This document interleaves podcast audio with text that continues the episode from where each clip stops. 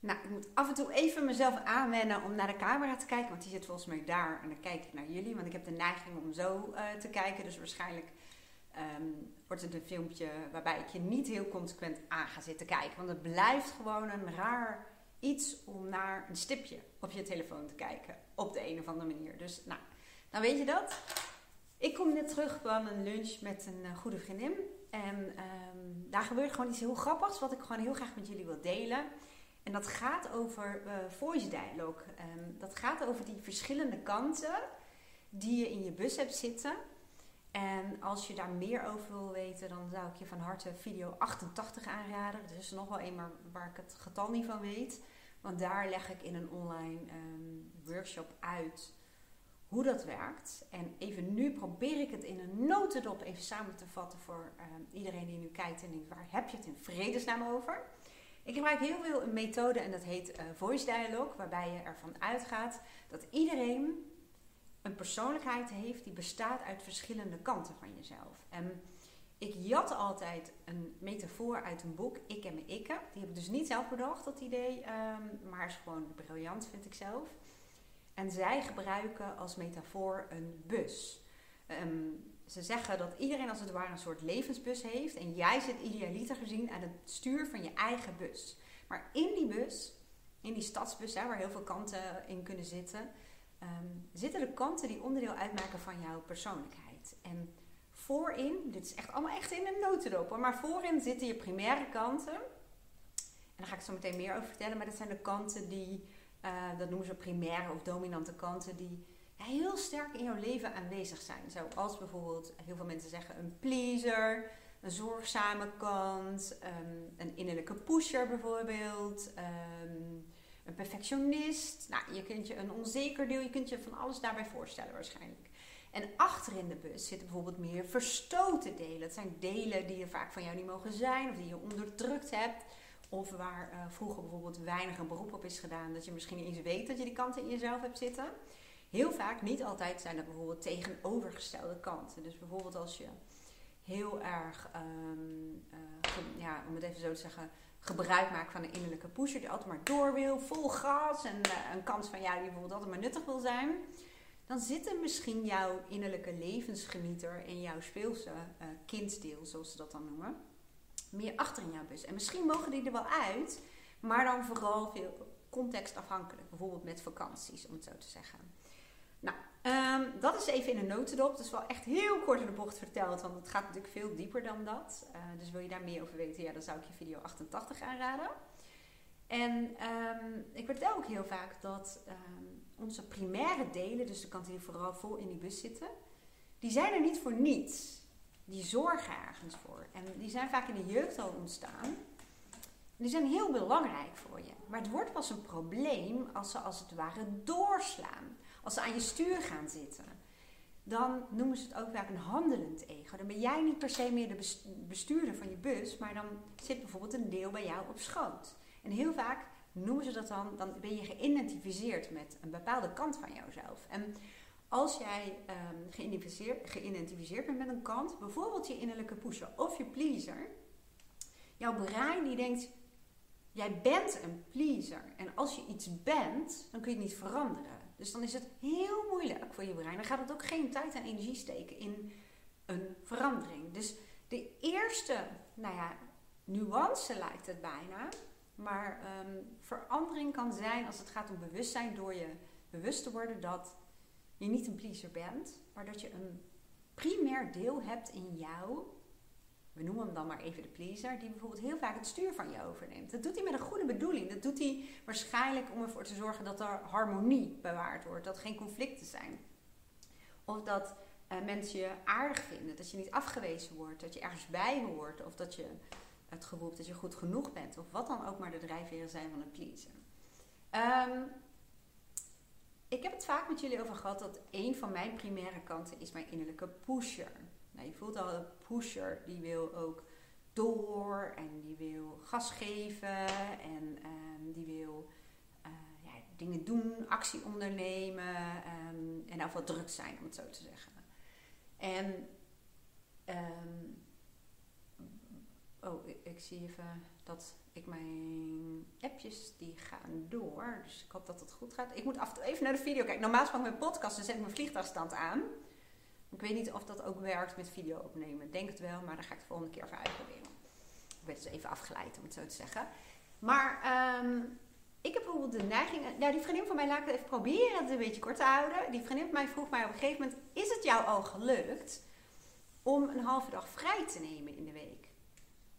Toen zei ik, mm, nee, het is nog niet gelukt. En uh, toen zei ze van, de vorige keer dat je zei dat je dat ging doen, was jouw eerste reactie. Ik ben benieuwd of ik dat vol ga houden. En toen zei ze, volgehouden, een halve dag vrij, hoezo moet je het volhouden? Maar um, toen dacht ik nog dat het het werk was van mijn innerlijke pusher. Of een kant van mij die altijd maar nuttig wil zijn, die het moeilijk vond om een halve dag vrij te nemen. Dat klinkt een beetje gek, hè? het klinkt heel extreem, maar dat is het helemaal niet. En ik bedoel een halve dag vrij in de week. En um, ik doe heel vaak door de week um, tussen mijn sessies door bijvoorbeeld. Of dagen dat ik meer ruimte heb, dingen voor mezelf. Of hè, ik kan een auto pakken en er voor pad gaan. Ik ben zo uh, net wezen lunchen met een vriendin. Um, maar uh, op een gegeven moment zei ze me van... Maar stel hè, dat jij bijvoorbeeld een dag in de week vrij zou gaan nemen. Wat ga je dan doen? En toen moest ik nadenken. En ik kan echt genoeg dingen verzinnen. Want ik heb best wel veel dingen waar ik van kan genieten. Maar ze zegt, ik denk dat jij gewoon toch gaat zitten podcasten. En, en, en dingen voor je bedrijf gaat zitten doen. Ook omdat je het leuk vindt. Maar in één keer realiseerde ik mij. En ik moet heel veel open haard open doen, nog even. Het vuurtje gaat uit. En we willen natuurlijk niet dat het vuurtje uit. Het gaat niet van jou, niet van de open hart. Maar in elk geval, ik realiseerde me heel erg dat ik dacht... Ik weet niet wat het inzicht was, maar ik merkte... Het is niet het werk van mijn pusher die um, gewoon lekker bezig wil zijn en op vrije dagen uh, toch lekker um, artikelen aan het schrijven is, of podcast aan het maken is, of video's. Maar er is nog een deel in mij. En, en dat deel dat speelt ook een grote rol in dat ik het soms lastig vind om bijvoorbeeld, het gaat bij mij vooral door de week, om bijvoorbeeld gewoon een paar uur een boek te gaan lezen. Gewoon op de bank. En uh, dat kan ik bijvoorbeeld in het weekend wel, op vakanties en dat soort dingen, maar door de week dat ik dat doe. En in één keer voelde ik van, oh ja, maar die vriendin van mij, die stelde die vraag als het ware niet aan mij als chauffeur van de bus, maar aan een deel van mij. En in één keer had ik hem als het ware even te pakken. En ik noem hem even, zoals hij meestal genoemd wordt. Um, het is toch het brave, gehoorzame deel in mij. Het um, beste meisje of jongetje van de klas. Hè? En niet letterlijk het beste, maar gewoon braaf, gehoorzaam, um, netjes. En, um, en dat deel heb ik ook. Ik heb net zo goed een rebelsdeel in mij, maar ik heb dit deel ook. En dat ontstaat vaak in de jeugd. Bijvoorbeeld dat je je makkelijk aan kan passen en niet te lastig bent. En gewoon je dingetjes doet. En, ja, nogmaals, niemand heeft last van je. Dus het ontstaat ergens. En toen dacht ik, dat is het deel wat nu heel erg voorin zit. En um, ja, die wil eigenlijk, die wil vooral dat ik ja, nuttige dingen doe en um, mijn best doe. En dat is wat anders dan de innerlijke pushen. En wat maakt dit nou voor verschil? Omdat um, je, je ontdekt als het ware welke delen van je persoonlijkheid betrokken zijn bij bepaalde vraagstukken. In mijn geval hè, van om door de week bijvoorbeeld uh, mezelf over te geven, wilde ik ze ook zeggen. Dus dat is al wel een hele interessante zin om bijvoorbeeld een paar uur gewoon te lezen. En toen zei die vriendin van mij ook, maar ik bedoel met lezen niet een van je studieboeken, hè? maar gewoon bijvoorbeeld een roman of een thriller of wat je ook graag leest, uh, puur voor de fun, om het zo te zeggen. En toen gebeurde iets anders lezen. Dat is eigenlijk de hele aanleiding waarom ik deze podcast op wil nemen. Want in één keer gebeurde er ook iets in mijn gezicht. Ze zag het ook dat ik zei van ja, want uh, ik weet niet hoe ik het precies zei, maar in elk geval merkte ik dat er ook een ander deel in mij is. Wat helemaal niet zo braaf is en juist heel erg zou willen genieten. En in één keer zei ik hardop: wat zou er gebeuren als ik ehm, alle studieboeken van mijn e-reader zou gooien. En zij begon heel hard te lachen. Nou, als ze nou uh, praten we tenminste. En toen dacht ik, oh ja, dat is eigenlijk de stem, om het zo te zeggen, van dat deel van mij die denkt: fuck, al die studieboeken, we gaan gewoon alleen maar plezier maken met de e-reader, om het zo te zeggen. En zo'n andere deel van mij dat zegt, ja, maar ze vindt die studieboeken ook heel leuk. Ja, want zo gaat dat natuurlijk ook. En nu gaat het erom, want dat is eigenlijk de hele eh, doelstelling van Voice Dialogue. Het is niet de bedoeling dat je bijvoorbeeld eerst één deel aan je stuur hebt zitten die heel braafjes en nuttig wil zijn. En dan vervolgens, vloep, hou je een ander deel en die zet je dan aan het stuur. Die wil gewoon alle studieboeken van mijn e-reader halen. De bedoeling is dat jij als het ware leiderschap neemt als chauffeur. Dus dat je op een gegeven moment, ik hoorde dus bij wijze van spreken, of nou ik hoorde het niet, maar die gedachte, daar werd ik me bewust van. van. Er is dus ook een deel van mij die zegt, wat zou er gebeuren als je alle studieboeken van je e zou gooien? Maar dat is natuurlijk ook weer de andere kant van, uh, hoe noem je dat? Andere uiterste. Nou, en wat de doelstelling eigenlijk is, dat je je bewust wordt van ehm, dat je die verschillende kanten in jezelf hebt zitten. En dat ze eigenlijk allemaal als het ware hun eigen visie hebben, hun manier van kijken, hun eigen belangen, hun eigen uh, behoeften. Ook klinkt het misschien een beetje vreemd, maar zo werkt het wel. En uh, wat ik dus vaak deed, is een heel eenzijdig beeld vanuit bepaalde primaire delen van mezelf. Waardoor delen van mij, die achter in de bus meer zitten, verstoten delen, te weinig aan bod komen. En dat ik het niet eens goed kon bedenken, wat zou ik dan eigenlijk gaan doen op die vrije dag? Omdat het deel van mij denkt, ja, je kunt allemaal nuttige dingen doen op die vrije dag.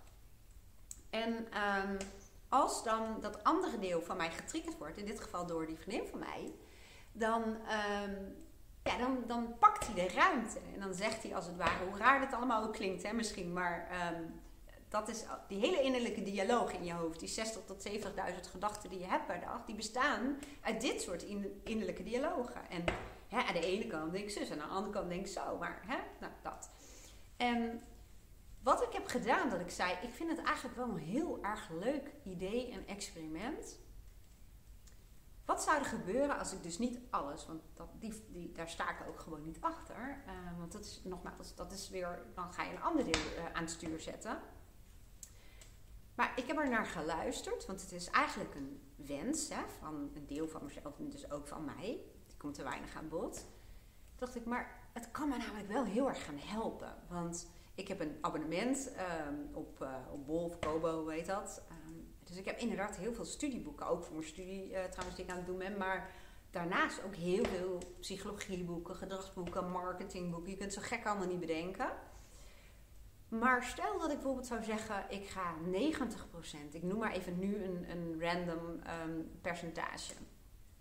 Maar van de, nou ja, van de, ik noem het dan maar even de studieboeken, van mijn e-reader verwijderen. Ik voelde opluchting. Ik dacht ja.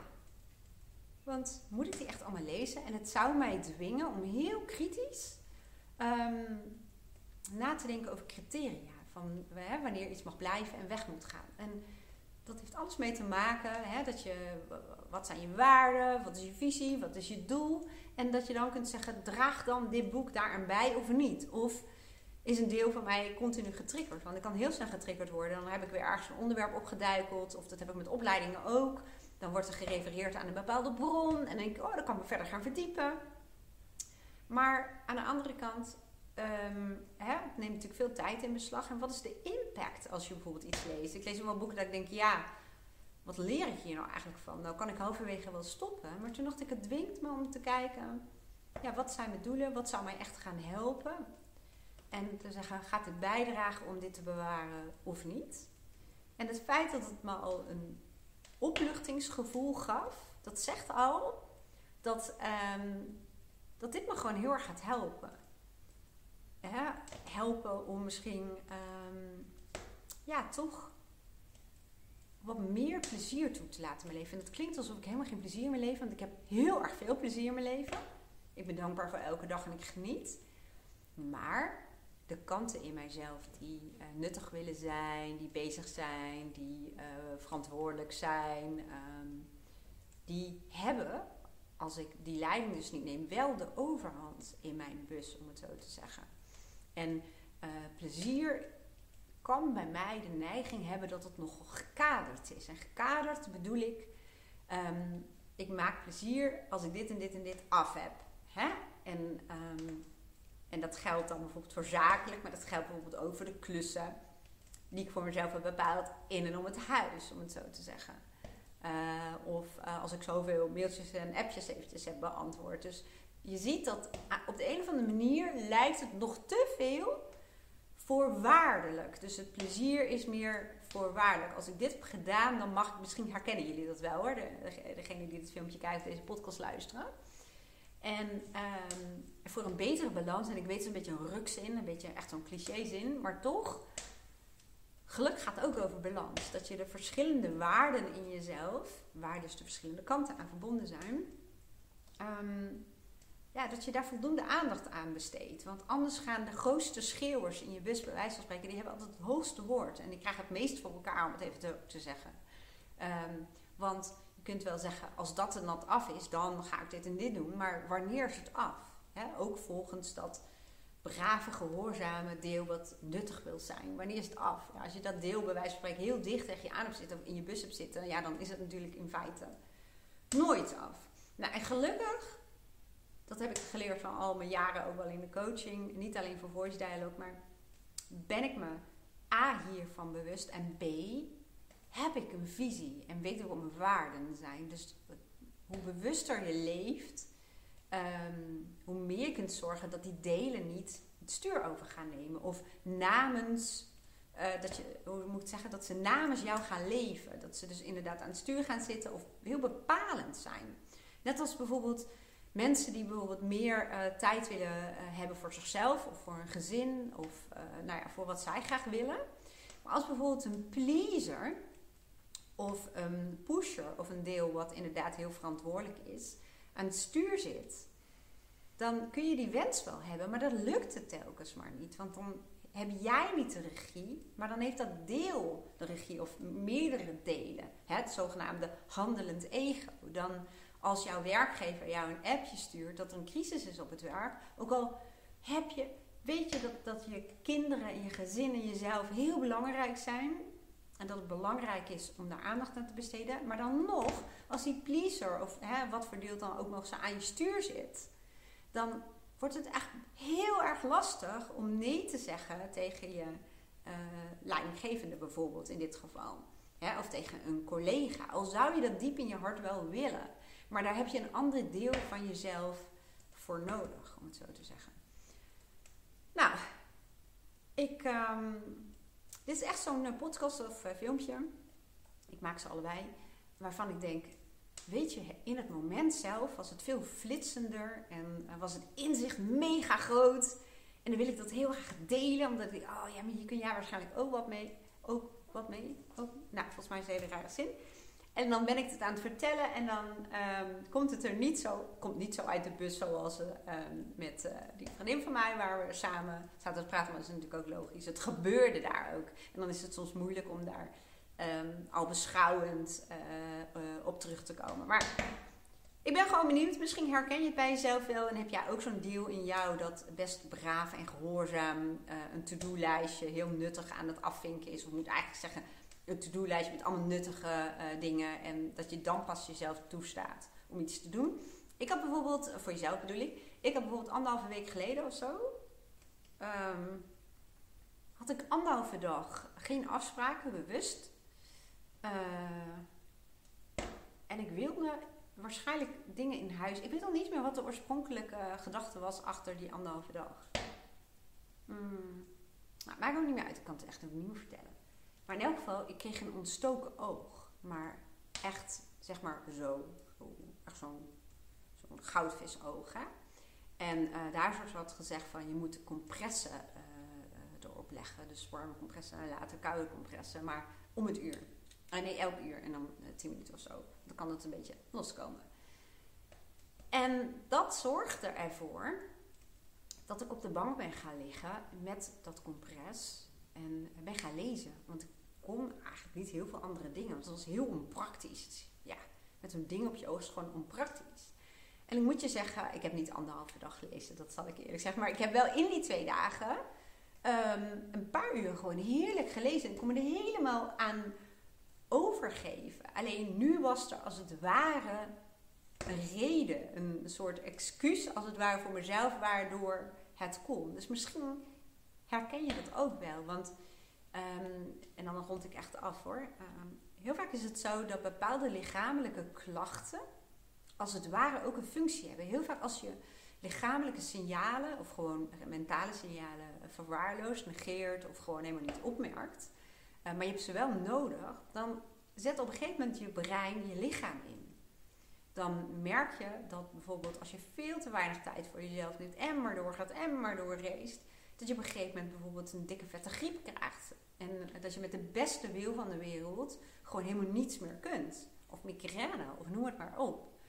Dus um, dat is vaak ook wat zo'n lichamelijke klacht je kan leren. Wat ik ook vaak in de coaching wel gebruik voor mensen die voor openstaan. Van hè, waar zorgt het voor? En dat is interessant, want dat is vaak een verwijzing naar je verstoten delen. Naar delen van jezelf die in je bus zitten, maar die als het ware verwaarloost of onderdrukt. Nou, volgens mij kom ik heel warrig over in deze video. Ik weet het even niet. Maar goed, weet je wat ik ga doen? Even kijken, hoe laat is het nu? Het is half zes. Ik denk dat ik gewoon ga koken. En iets doen wat iedereen me afraadt. Want ehm, ik ben niet echt een super keukenprinses, zullen we maar zeggen. Dus uh, iedereen zegt dat met koken moet je aandacht bij hebben. Maar ik denk dat ik toch ga proberen om twee dingen tegelijk te doen. Ik ga namelijk koken. Ik ga lasagne maken. Dus nou, hoe moeilijk is dat, hè? Ik bedoel, dus even klaarmaken, erin doen in de oven. En dan ga ik daarna mijn iride erbij pakken. En dan ga ik toch even op basis van een aantal criteria 90, 80 procent, dat moet ik nog even nagaan, uh, van mijn uh, studieboeken eraf halen. Ik vind het wel een goed idee. Nou, ik ben wel even benieuwd of jij dit herkent. Met dit bedoel ik eigenlijk vooral ook uh, jezelf dingen misschien niet heel erg toestaan. En nuttig willen zijn, um, altijd druk bezig zijn. Ik ben benieuwd. Laat het me weten. En ik hoop dat je iets gehad hebt aan deze podcast. Dankjewel voor het luisteren of voor het kijken. Ik weet niet of je het op YouTube kijkt of op een podcastkanaal. Ik wens je een hele mooie dag. En heel graag tot de volgende keer. Oh, wacht even. Voordat je weggaat. In video 88 kun je dus gratis een workshop doen. Of doen kun je naar luisteren. Ik deed een workshop, die heb ik opgenomen. En die gaat over die, uh, die bus met al die verschillende persoonlijkheidskanten. Maar als je zegt, ik wil hier meer werk van maken. Ik wil in het dagelijks leven ook graag meer bewustzijn en meer regie als chauffeur hebben. Dus leiderschap nemen als het ware over mijn kanten. Door ook te luisteren naar wat hebben die kanten mij te vertellen. Waar zorgen ze voor? Het is eigenlijk ook je innerlijke team. Hè? En hoe je ook bijvoorbeeld je verborgen potentieel. Dat zijn vaak de verstoten delen op je achterban kunt aanspreken. Als je zegt, ik wil daar heel graag zelf mee aan de slag. Dat kan. Ik zet even hieronder een linkje. Dus kijk even in de beschrijving naar het online programma wat ik hiervoor gemaakt heb. Wat ik je echt, echt van harte aan kan raden. Want het is ook nog eens gewoon super leuk om dit soort dingen uh, te doen. Nogmaals, een hele mooie dag en tot gauw.